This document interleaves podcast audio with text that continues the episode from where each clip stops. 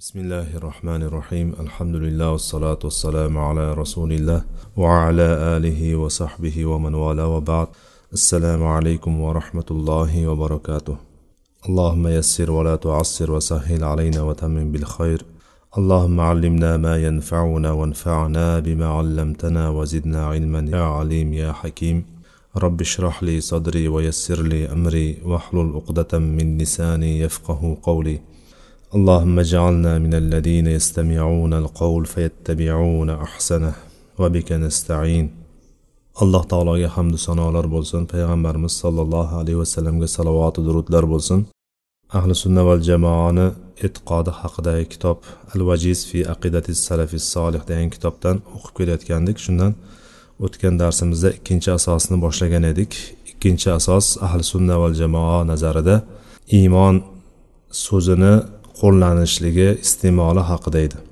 Kelgan joyimizdan inshaalloh davom etamiz. Ahli sunna va jamoa iymonni so'z va amal deb turib e'tiqod qilishadi. Iymon so'z va amaldan iborat. Uning darajalari bor ya'ni e, bosqichlari bor va tarmoqlari bor. Toat ibodat qilishlik bilan ziyoda bo'ladi hatto tog'lar misolicha bo'lishi mumkin. Ya'ni tog' tog' qadar katta bo'lishligi mumkin iymon va nuqsonlashib ma'siyat bilan nuqsonlashadiki hattoki undan hech bir narsa qolmaydigan darajada kamayib ketadi. Va ahli sunna ahli ya'ni iymon ahli mo'minlar bir birlaridan mana shu narsalarda farq qiladi. Ya'ni ularni amali va ilmi alloh taoloni tanishligi va shariatda alloh taolo buyurgan va qaytargan narsalarga amal qilishligiga qarab turib ular bir biridan ajralishadi. Bir biridan ba'zilari ba'zilaridan ustun bo'ladi. Bunga mana shu aytgan gaplarimizga bir qancha dalillar bor oyatlardan hadislardan bir qancha dalillar bor.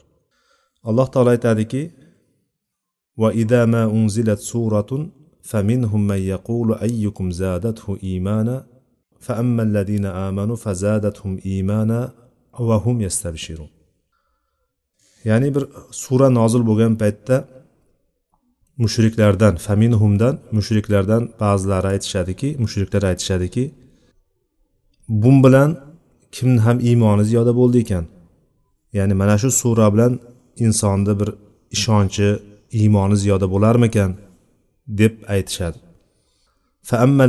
Amanu ammo iymon keltirganlar bo'lsa ularni iymonlari ziyoda bo'ladi va ular xushnut bo'ladilar ular xursand bo'ladilar shod bo'ladilar deb keldi oyatda.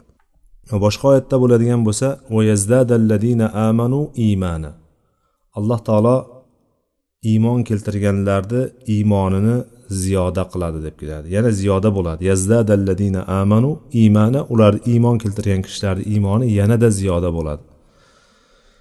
Bu muddasir surasida kelgan ekan o'ttiz birinchi oyatida. Undan keyingi oyatda bo'lsa va ida tuliyat alayhim ayatuhu zadathum imana va ala robbihim yatavakkalun anfol surasini ikkinchi oyatda kelyapti. Ularga ya'ni haqiqiy mo'minlarga alloh taoloni oyatlari tilovat qilib beriladigan bo'lsa ularda iymonlari ziyoda bo'ladi va faqatgina robbilarigagina tavakkul qiladilar deb kelyapti. Mana shu yerdagi oyatlarda hammasida yani yuqorida o'tganlarda hammasida iymonni ziyoda bo'lishligini oyatlarda ochiq lafzlar bilan kalimalar bilan ifodalanyapti.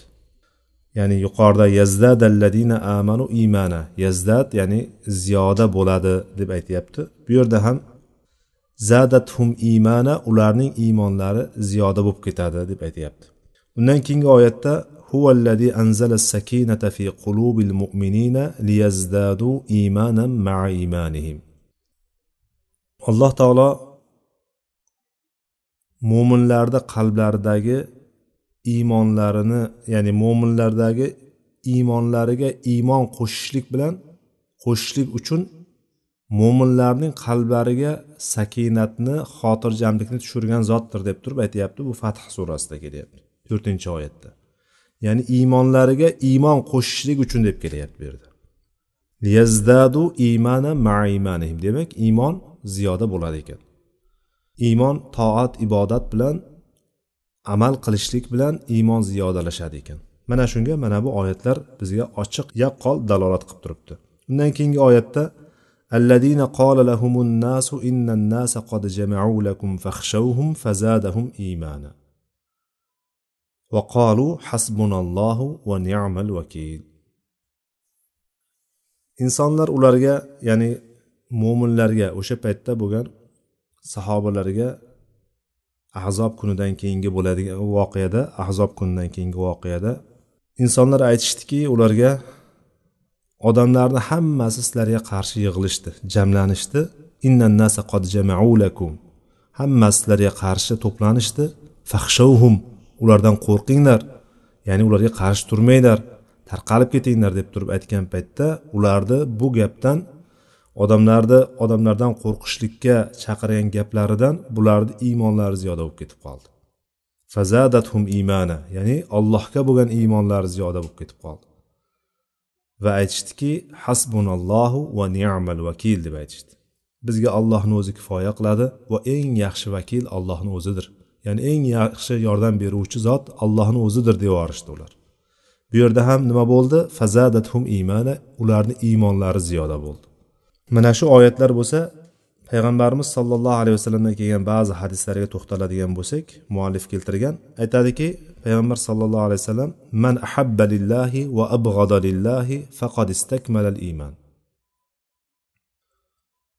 bu rivoyatni imom abu dovud o'zini sunanlarida chiqargan ekan.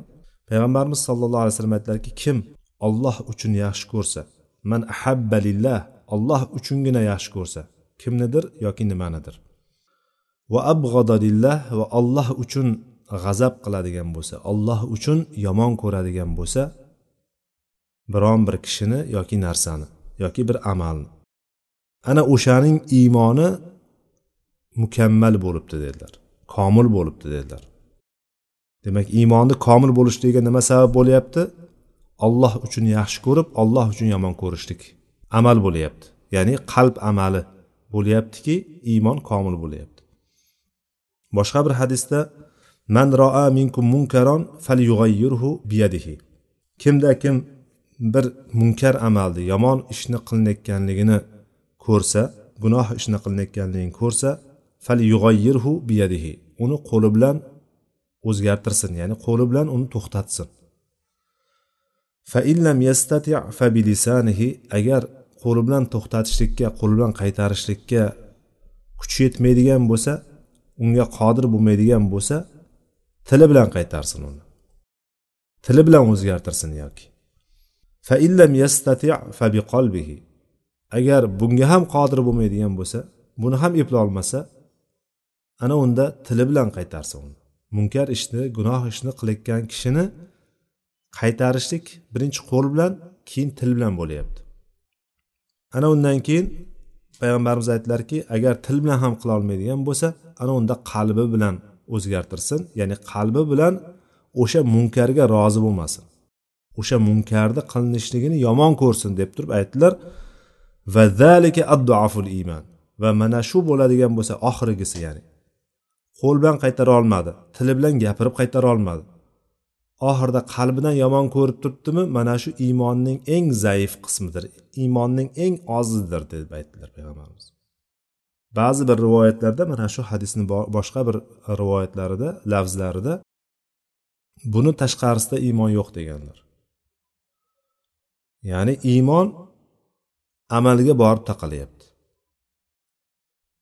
yuqoridagi ikkitasi qo'l bilan qaytarish bittasi qo'l bilan qaytarish va til bilan qaytarish va uchinchisi qalb bilan qaytarish. Demak birinchisi qo'l bilan qaytara olgan kishi iymoni baquvvat kishi bo'ladi degani kelib chiqadi. Ya'ni hadisni oxirgi qismidan yuqorisini qaytaradigan bo'lsak qo'li bilan qaytara olgan kishi unda jur'ati bo'lgan kishi o'sha gunohni qilayotgan odamni qaytara olgan kishi mana shu iymoni baquvvat bo'lgani bo'ladi. Yoki til bilan qaytargan ham iymoni kuchli bo'lgan kishi bo'ladi.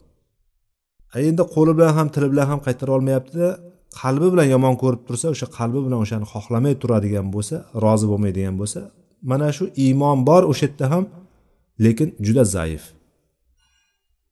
Chunki iymon quvvatli bo'ladigan bo'lsa vala yaxofuna lavmata laim bo'ladi. Ollohni yo'lida uni biron bir malomatchining malomati unga ta'sir qilmaydi. Undan qo'rqmaydi. Malomatchining malomatidan qo'rqmaydi u. Fala taxshawhum vaxshavni deydi alloh taolo. Ulardan qo'rqmanglar mendan qo'rqinglar deydi.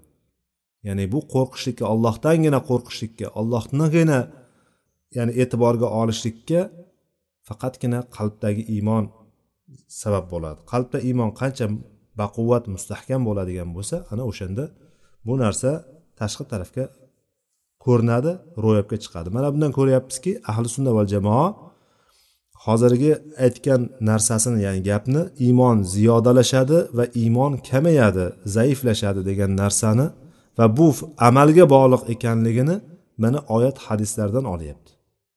Ya'ni dalil bilan keltirilyapti.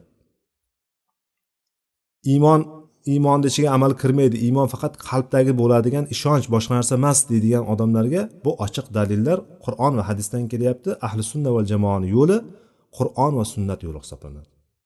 Mana shu yerda kelgan dalillar asos hisoblanadi.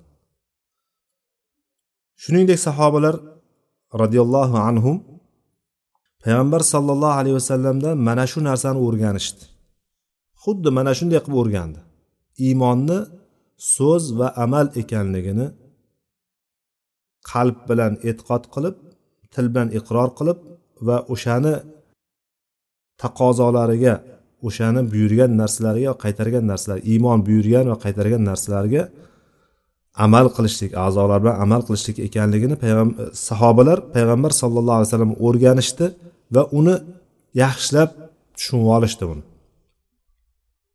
Va shuningdek ularni o'rgangan narsalari sahobalarni o'rgangan narsalari payg'ambar sallallohu alayhi vasallam ya'ni butun iymonni iymonni so'z va amal e'tiqod ekanligini qalb amali va a'zolarni amali ekanligini va so'z til bilan iqror bo'lishlik ekanligini toat va ibodat bilan ziyoda bo'lishligini o'rganishdi. Va xuddi shuningdek qalb amali va a'zolar bilan tildagi so'z bilan u kamayishligi ya'ni amal qilmaydigan bo'lsa buyurilgan narsalarni tark qiladigan bo'lsa yoki harom bo'lgan ishlarni munkar va gunoh bo'lgan ishlarni qiladigan bo'lsa iymonni zaiflashishligini payg'ambar sallallohu alayhi vasallamdan sahobalar o'rganishdi bu narsa. Va ularning ahli ya'ni iymon ahli mo'minlar bir biridan iymonlari jihatidan farq qilishligini bilamiz biz. Va sahobalar mana shu narsani o'rganishdi. Va hadisda payg'ambar sallallohu alayhi vasallam o'sha abu bakr roziyallohu anhu haqida gapirganlarida abu bakr roziyallohu anhuni iymoni tarozini bir pallasiga qo'yiladigan bo'lsa va ummatning qolgan ummatning iymoni tarozini ikkinchi pallasiga qo'yiladigan bo'lsa abu bakrniki og'ir keladi deganlar. Ya'ni buni har qanday ko'rinishda payg'ambarimiz sallallohu alayhi vasallam sahobalarga singdirganlar shu narsani. Iymon ahli demak bir biridan farq qilishadi. Ularni ichida yaxshiliklarga o'zib ketuvchi yaxshiliklarda o'zib ketuvchi ya'ni yaxshiliklarni birinchi bor qiluvchi va o'shanga shoshiluvchi kishilar bo'ladi. Va ularni ichida o'rtacha amal qiladigan ya'ni mo'tadil amal qiladigan kishilar bo'ladi. Tejamkor kishilar muqtasid deydi. Muqtasid degani o'rtacha amal qiluvchi tejamkor kishilar bo'ladi. Va ularni ichida o'z nafsiga zulm qilguvchilari bo'ladi. Va ularni ichida ya'ni mo'minlarni ichida muhsinlari ya'ni allohni ko'rib turgandek ibodat qilib yoki olloh meni ko'rib turibdi degandek ibodat qilishlik qiladigan kishilar bo'ladi. Va ulardan mo'minlar va musulmonlar ya'ni bular nomlari hammasi bitta joyda keladigan bo'lsa bir biridan farq qiladi ular aslida musulmon deydigan bo'lsa uni ichiga mo'min ham muhsin ham muttaqin ham hammasi kirib ketadi aslida. Lekin yonma yon zikr qilinsa yonma yon sanaydigan bo'lsak muttaqin mo'min muhsin e, muslim deb turib bitta bitta sanagan paytimizda bularni eng pastki bosqichida eng pastidagi darajada bunda musulmon qoladi oxirida. Olimlarimizni bunda baribir ixtilofi bor lekin keng ko'proq olimlarni fikrida musulmon kishini ya'ni musulmon degani muslim degani mo'mindan bitta pastda bo'ladi deydi. Muhsin bu ikkalasini tepasida bo'ladi dedi. Ya'ni bunga oyat va dalil e, oyat va hadislardan o'zlari istinbot qilib chiqargan foydalan foyda chiqargan bundan. Ya'ni qur'onda yoki hadisda bularni bunisi bundan ustun bunisi undan ustun deb turib aytilmagan aslida. Lekin bular yonma yon zikr qilingan paytda olimlar o'sha hadislarda ketma ketligiga oyatlarda keyin ketma ketligiga shularga e'tiboran o'shalardan bir hukm chiqarishib turib aytishganki muhsin mo'mindan ustun daraja. Mo'min musulmondan ustun daraja musulmon eng oxirgi daraja deb aytiladi arobiylar kelib turib biz iymon keltirdik degan paytda yo'q sizlar iymon keltirdik demanglar. Sizlar iymon keltirmadilaring chunki qalblaringga hali iymon borib yetgani yo'q. Balki sizlar biz aslamna deb aytinglar taslim bo'ldik deb aytinglar. Ya'ni musulmon bo'ldik deb aytinglar deyilgan oyatda ham. Mana shundan ko'rinadiki besh vaqt namozini o'qib ro'zasini tutib yurgan odam puli bo'lsa hajga borib kelayotgan odamni umuman olganda bunday qaraganda musulmon hisoblanadi. Lekin uni mo'minligi muhsinligi uning boshqa amallarida islomni shariatni boshqa amallarda yuzaga ko'rinadi va bu ham bo'lsa biz buni ajrata olmaymiz. Bunisi muhsin bunisi mo'min bunisi muttaqin bunisi musulmon deb turib ajrata olmaymiz bularni. Bularni darajasi faqat qalb amallariga qalbdagi e'tiqodiga bog'liq bo'lgan darajada ollohni olloh ajratadi buni ya'ni. Qisqacha qilib aytadigan bo'lsak allohni nazarida ajraladigan bosqichlar darajalar bular. Lekin haqiqatdan ko'rishligimiz mumkin faqatgina namoz o'qib namozxongina bo'lib yurgan odam bilan ollohni yo'lida tinimsiz harakat qilib turib jon jahdini berib butun ollohni yo'lida nima bo'ladigan bo'lsa biron bir yaxshi amal qolmasdan hammasini qilishlikka harakat qilib yurgan odamni ikkalasini shunday biz ham ko'rishligimiz mumkin. Ha demak buni iymoni bundan ziyoda bundan ustun buni iymoni deb turib ayta olishligimiz mumkin. Lekin bunisi musulmon bunisi mo'min bunisi muhsin deb ayta olmaymiz. Allohu alam. Bular demak hammasi bir biridan farq qiladi. Farq qilishligi indalloh ollohni nazarida farq qiladi bular. Bizni nazarimizda zohirida musulmon bo'lib turib namozni o'qib yurgan kishi ibodatini qilib yurgan kishi musulmon hamma bir xil musulmon hammasi. Lekin bularni bir biridan farqlanishligi allohning nazaridadir. alloh taolo shuning uchun bularni bir biridan farqini bir biridan ba'zisini ba'zisidan ustun qilib qo'ydi alloh taolo. Nima bilan? Qalbidagi iymoni bilan. Endi oyat va hadislar bilan dalillarni keltirgan bo'lsa muallif endi sahobalarni va salaf olimlarimizni so'zlaridan dalillar keltirishga o'tadi. Qola amirul mo'minin ali ibn abi tolib roziyallohu anhu الصبر من الإيمان بمنزلة الرأس من الجسد من لا صبر له لا إيمان له dedilar amirul mo'minin ali roziyallohu anhu aytyaptilarki sabrning iymonga nisbatan tutgan o'rni shundayki xuddi jasadni boshni jasadga nisbatan tutgan o'rniga o'xshaydi deb aytganlar ya'ni bir insonni olib qaraydigan bo'lsangiz boshi yo'q inson bo'ladigan bo'lsa kallasi yo'q bir insonni ko'radigan bo'lsangiz bu inson hisoblanmaydi u murda hisoblanadi birinchidan. Agarchi murda bo'lgan taqdirda ham agar boshi yo'q murdani ko'radigan bo'lsangiz buni o'sha yerda o'zida ham nuqson hisoblanadi murdaga murdaga nisbatan.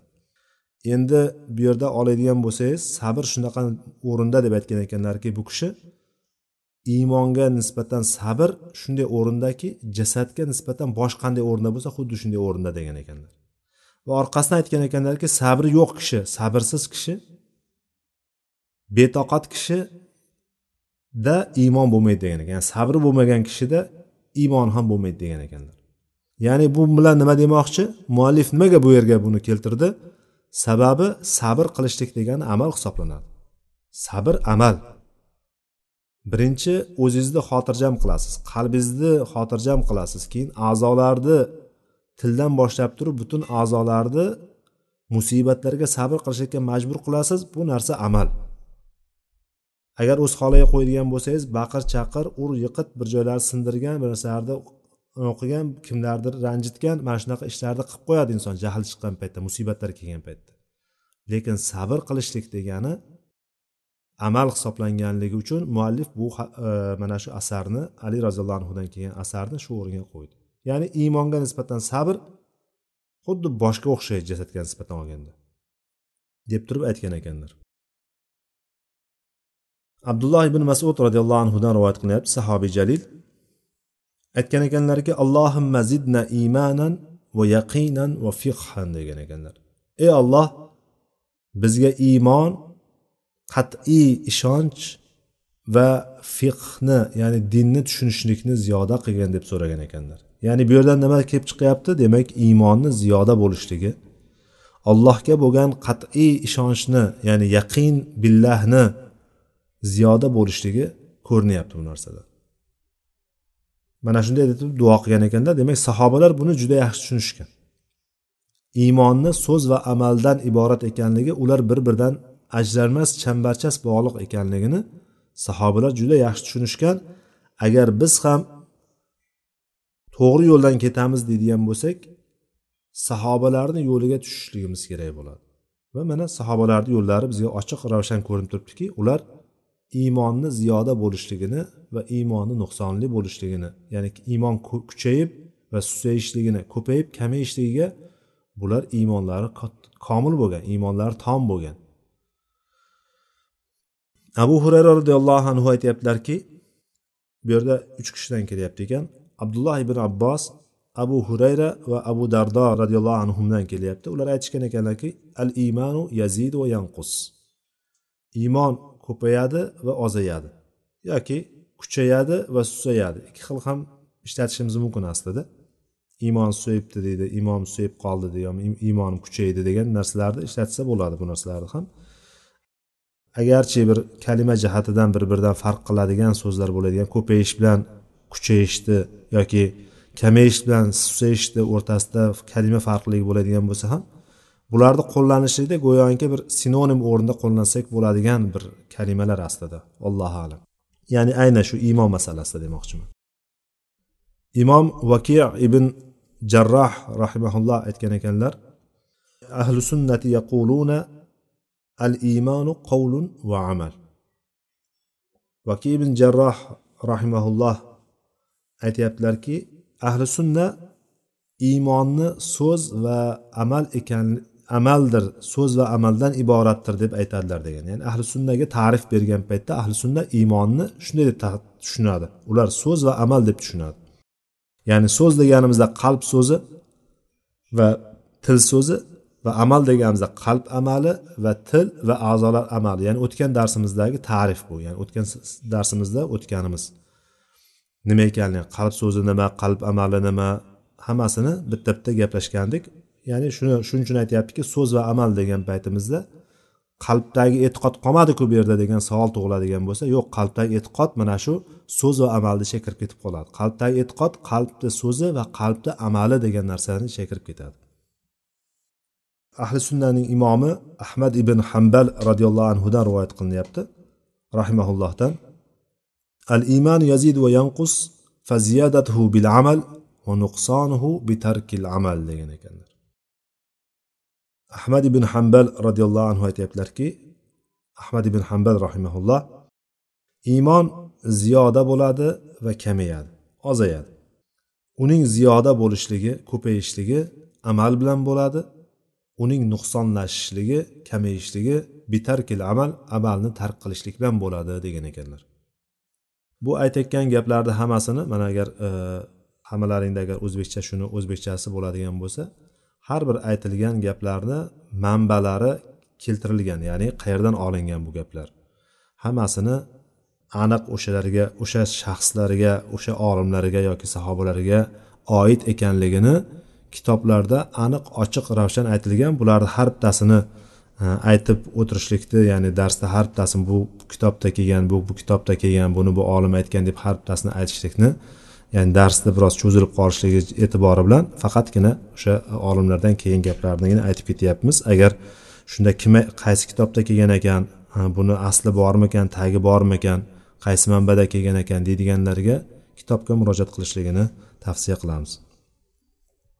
Al hasanul basriy rahimaulloh aytgan ekanlar laysal imanu bittahalli vala bittamanni valakin ma vaqara fil qulub va sadaqatuhul amal degan ekanlar. Iymon bittahalli ya'ni chiroyli ko'rsatishlik ziynatlanishlik ya'ni men musulmonman mo'minman deyishlik yo bo'lmasam tashqi ko'rinishni ko'rsatishlik bilan emas yoki orzu umid bilan bo'lmaydi degan ekanlar. Bittamanni faqat orzu umidlar kattadan katta orzu umidlar bilan bo'lmaydi.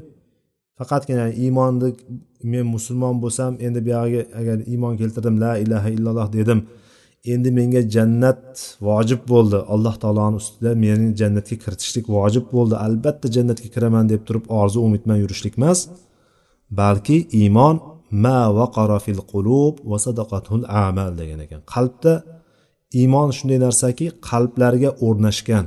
Mustahkam o'rnashgan va uni esa mana shu qalbda o'rnashgan iymonni amallar tasdiq qilgan narsadir deb aytgan ekanlar. Ya'ni juda go'zal ta'rif bergan ekan hasanul basriy rahimaulloh. Ya'ni qalbga o'rnashishlik kerak iymon. Qalbga qachon iymon mustahkam o'rnashadi? O'rnashgandan keyin iymonni darajasiga qarab turib iymonni kuchli yoki zaifligiga qarab turib undagi tashqi amallar ko'rinaveradi. Islomdagi shariatimizdagi makarimul axloq degan xulqlarga ham odobga ham ya'ni butun narsalar hammasiga ta'sir qiladi bu qalbdagi iymon imom shofiiy rohimaulloh aytyaptilarki al iymanu qovlun va amal. Yazidu va yanqus. Yazidu bittaa va yanqusu bil ma'siya summa tala va yazdada alladina amanu iymana imom shofiiy rahimaulloh aytyaptilarki iymon so'z va amaldir. So'z va amaldan iboratdir. U ziyoda bo'ladi ko'payadi va yanqusu va nuqsonli bo'ladi kamayadi ya'ni. Uning ko'payishligi yazidu bit toa. Toat ibodat qilishlik bilan ko'payadi va yanqusu bil ma'siya ma'siyat gunoh qilishlik bilan kamayadi. Dedilarda orqasidan mana shu oyatni dalil qilib ko'rsatdilar. Iymon keltirgan zotlarning iymonlari yanada ziyoda bo'ladi deb keldi. Oyatda mana shu oyatda iymon keltirgan kishilarning iymonlari yanada ziyoda bo'ladi degan oyatni dalil qilib keltirdi. Imomul hafiz abdulloh ibn humaydiy rahimaulloh aytgan ekanlarki al iymanu qavlun va amal yazidu va yanqus. لا ينفع قول إلا بعمل ولا عمل ولا قول إلا بنية ولا قول ولا عمل بنية إلا بسنة degan ekanlar humaydiy rahimaulloh aytyaptiki abdulloh al humaydiy iymon so'z va amaldan iborat bo'lib ko'payadi va kamayadi la yanfau qavlun ya'ni qovul ya'ni so'z bilan iymon keltirdim deb aytishlik yoki la ilaha illalloh deb qo'yishlikning o'zi bilan kifoyalanishlik foyda bermaydi. Illa bi amal magar amal qilishlik bilangina foyda beradi la ilaha illallohni aytishlik. Va orqasidan aytdilarki amal ham so'z ham foyda bermaydi.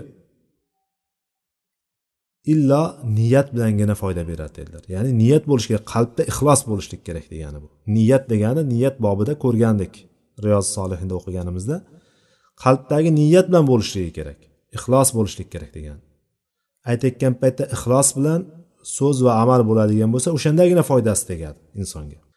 Va orqasidan aytdilarki so'z ham amal ham niyatli bo'lgan so'z va amal ham foyda bermaydi. Ya'ni allohga xolisman deb turib qanchadan qancha qilinayotgan amallar bor. Alloh meni yaxshi ko'rsin allohga yaqin bo'lay deb turib qanchadan qancha qilinayotgan sadaqotlar qurbonliklar ibodatlar turlari namozlar hamma narsa qilinib yotibdi lekin u foyda beradi qachon? Qachonki illa bi sunnah sunnatga muvofiq bo'lishligi bilangina foyda beradi. Sunnatga muvofiq bo'lmaydigan bo'lsa ya'ni payg'ambar sollallohu alayhi vasallam olib kelgan shariatga muvofiq bo'lmaydigan bo'lsa u har qancha ko'rinishdan katta amal bo'lsin katta sadoqatlar bo'lsin katta katta qurbonliklar bo'lsinu allohga xolis qilyapman deb turib qilinayotgan ibodatlarda hech qaysi bir foyda bermaydi. Foyda berishligi uchun payg'ambarimiz olib kelgan shariatga muvofiq bo'lishligi kerak. Ana o'shandagina foyda beradi. Va bu gapni imom hofiz abdulloh ibn humaydiy rahimalloh aytgan ekanlar. Yana e, muhaddis olimlardan bo'lgan abu umar ibn abdulbar rahimaulloh aytyaptilarki ajmaa ahlul fiqhi val hadis على أن الإيمان قول وعمل ولا عمل إلا بالنية والإيمان عندهم يزيد بالطاعة وينقص بالمعصية والطاعات كلها عندهم إيمان أبو عمر ابن عبد البر roziyallohu anhu aytyapti rahimaulloh aytyapti fiqh ahli faqihlar va muhaddislar hadis ahli ya'ni muhaddislar bular iymonni so'z va amaldan tashkil topganligini va amal niyatsiz ya'ni xolis bo'lmaydigan bo'lsa amal amal bo'lmasligiga ular ijmo qilishgan. Hammasi bir ovozdan mana shunday deb aytishgan. Faqihlar va muhaddislar. Va ularning gaplaridan iymon ularni nazarida toat ibodat qilishlik bilan ziyoda bo'ladi ma'siyat gunoh ish qilishlik bilan bo'lsa kamayadi. Va butun toat ibodatlarni hammasi indahum ya'ni fiqh ahli faqihlar bilan hadis ahli muhaddislarni fikrida iymonni chekirib ketadi. Hammasi iymonni bir bo'lagi hisoblanadi. Butun toat ibodatlarni hammasi iymondandir deb aytgan ekanlar.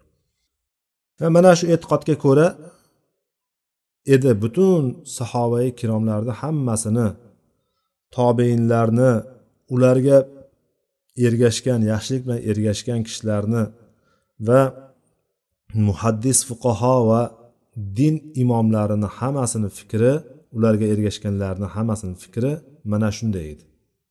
Ya'ni iymon so'z va amaldan iborat toat bilan ziyoda bo'ladi gunoh ma'siyat bilan kamayadi degan e'tiqodda edilar. Salaflardan bo'lgan olimlardan biron kishi yoki keyingi kelgan olimlardan xalaflardan bironta kishi bunga hech hech qanaqa bir muxolifat qilmaganlar. Ya'ni bunga qarshi fikr aytmaganlar. Qarshi chiqmaganlar bu fikrga hech kim. Magaram haqdan toyilgan kishilargina haqdan burilib ketgan kishilargina bu narsaga qarshi chiqib bunga teskari bo'lgan bo'lishligi mumkin. Ya'ni iymon so'zining qo'llanishligi ahli sunna va jamoaning nazarida iymon degani nima degani degan so'zning xulosasi shuki iymon bandaning qalbida bandaning qalbida mustahkam o'rnashgan va uni o'sha o'rnashgan qalbda bor narsani tiliyu amali tasdiq etgan narsadir va uning samarasi a'zolarda och ochiq ravshan ko'ringan narsadir. Ya'ni buni ochiq ko'rinishligi degani uning samarasi a'zolarda ko'rinishligi degani alloh taoloning buyruqlariga bo'ysunishlik alloh taoloni buyurgan narsalarni qilishlik va qaytargan narsalardan uzoq bo'lishlik bilangina bo'ladi. Chunki iymon payg'ambar sollallohu alayhi vasallam olib kelgan narsa ya'ni shariatning hammasini tasdiqlab turib o'sha narsa qalbda o'rnashmaydigan bo'lsa e'tiqod jihatdan iqror bo'lishlik jihatidan va amal jihatidan hammasiga o'sha tasdiq etib o'sha narsani amalga oshirmaydigan bo'lsa iymon komil bo'lmaydi. Iymon iymon bo'lmaydi ya'ni. Va iymon egalari ya'ni ahli iymon mo'minlar bir xil bo'lishmaydi ular. Ya'ni hammasi bir xil saviyada ya'ni eng iymonda kuchli bo'lgan kishi iymoni mukammal allohni eng ko'proq tanuvchi eng taqvoli bo'lgan zot rasululloh sollallohu alayhi vasallamni iymoni bilan buyoqdagi oddiy faqatgina namoz o'qib turib qalbiga iymon o'rnashmagan kishini iymoni bir xil bo'lmaydi hech qachon. Ya'ni ba'zilar aytayotganda emas ular bir biridan farq qilishadi. Ular hech qachon bir xil bo'lmaydi. Iymon degani bo'ldi la ilaha illalloh desa qalbga kiradigan bo'lsa iymon hammaniki bir xil bo'lib qoldi demaydi hech qachon. Shuning uchun kim bir qalbi bilan tasdiqlaydigan bo'lsa qalbidan allohga iymon keltiradigan bo'lsa va tili bilan o'shani iqror qiladigan bo'lsa la ilaha illalloh deydigan bo'lsa allohdan boshqa hech qanaqa bir barhaq ibodat qilishga haqli zot yo'q deydigan bo'lsayu toatlarni vojibotlarni alloh taolo buyurgan qilishlik kerak bo'lgan narsalarni qilmaydigan bo'lsa a'zolar bilan amal qilmaydigan bo'lsa lam yastahiqqa ismal iymon albatta. Ya'ni iymon ismiga kirmaydi hech qachon. Ya'ni iymoni mukammal bo'lmaydi. Uni mo'min deyolmaymiz biz uni. Chunki u iymonni shartlarini iymonning bir katta bir bo'lagini tashlab yuboryapti u ham bo'lsa amalni tashlab yuboryapti til qalbi bilan e'tiqod qilgandan keyin tili bilan aytgandan keyin bu la ilaha illallohni taqozolari bor ekan bu narsalarni vojibotlar toat ibodatlar bor ekan bularni qilmaydigan bo'lsa u yolg'onchi bo'ladi u. Qalbidagi aytayotgan narsasini tili bilan aytyapti go'yoki lekin bu yolg'onchi bo'ladi. Iymoni mukammal bo'lmaydi ya'ni iymoni ro'yobga oshmaydi. Mo'min bo'la olmaydi. Va shuningdek kim tili bilan aytadigan bo'lsayu a'zolari bilan amal qiladigan bo'lsa ya'ni tili bilan musulmonman deb turib namozlarni o'qib yurgan bo'lishligi mumkin. Musulmonlarni orasida yurgan bo'lishligi mumkin. Lekin qalbi agar uni bu narsani tasdiqlamaydigan bo'lsa bu ham xuddi shuningdek iymoni iymon bo'lmaydi buni ham. Ya'ni munofiqlarni holati shunday. Musulmonlarni ichida yuradi tili bilan musulmonligini aytadi namozlarni o'qib yuradi ibodatlarni qilib yuradi kerak bo'lsa lekin qalbida uni iymoni bo'lmaydi uni.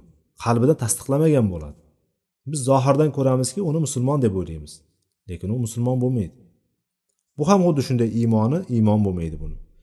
Iymon iymon bo'lishligi uchun yuqoridagi aytganimizdek hammasi bir orada jamlangan bo'lishligi kerak hammasi bir butun bo'lishligi kerak. Payg'ambarimiz sollallohu alayhi vasallam olib kelgan narsani qalbi bilan tasdiqlagan tili bilan iqror qilgan va a'zolari bilan o'shani amalga oshirgan kishigina mo'min bo'ladi. Bundan tashqarisi mo'min bo'lmaydi. Lekin bu narsani qalbdagi masalaga kelib qolgan paytimizda qalbida o'zi qalbida u iymon keltirganmi yo'qmi degan masala bu faqatgina ollohni allohga havola bo'ladigan narsa.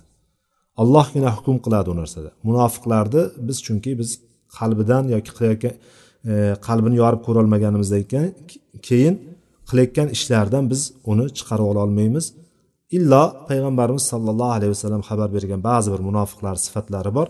O'sha sifatlarni munofiqlikning sifati bor deb ayta olishligimiz mumkin lekin uni ham to'liq munofiq deya olmaymiz. Mana shu narsadan demak farqini bilib olishligimiz kerak.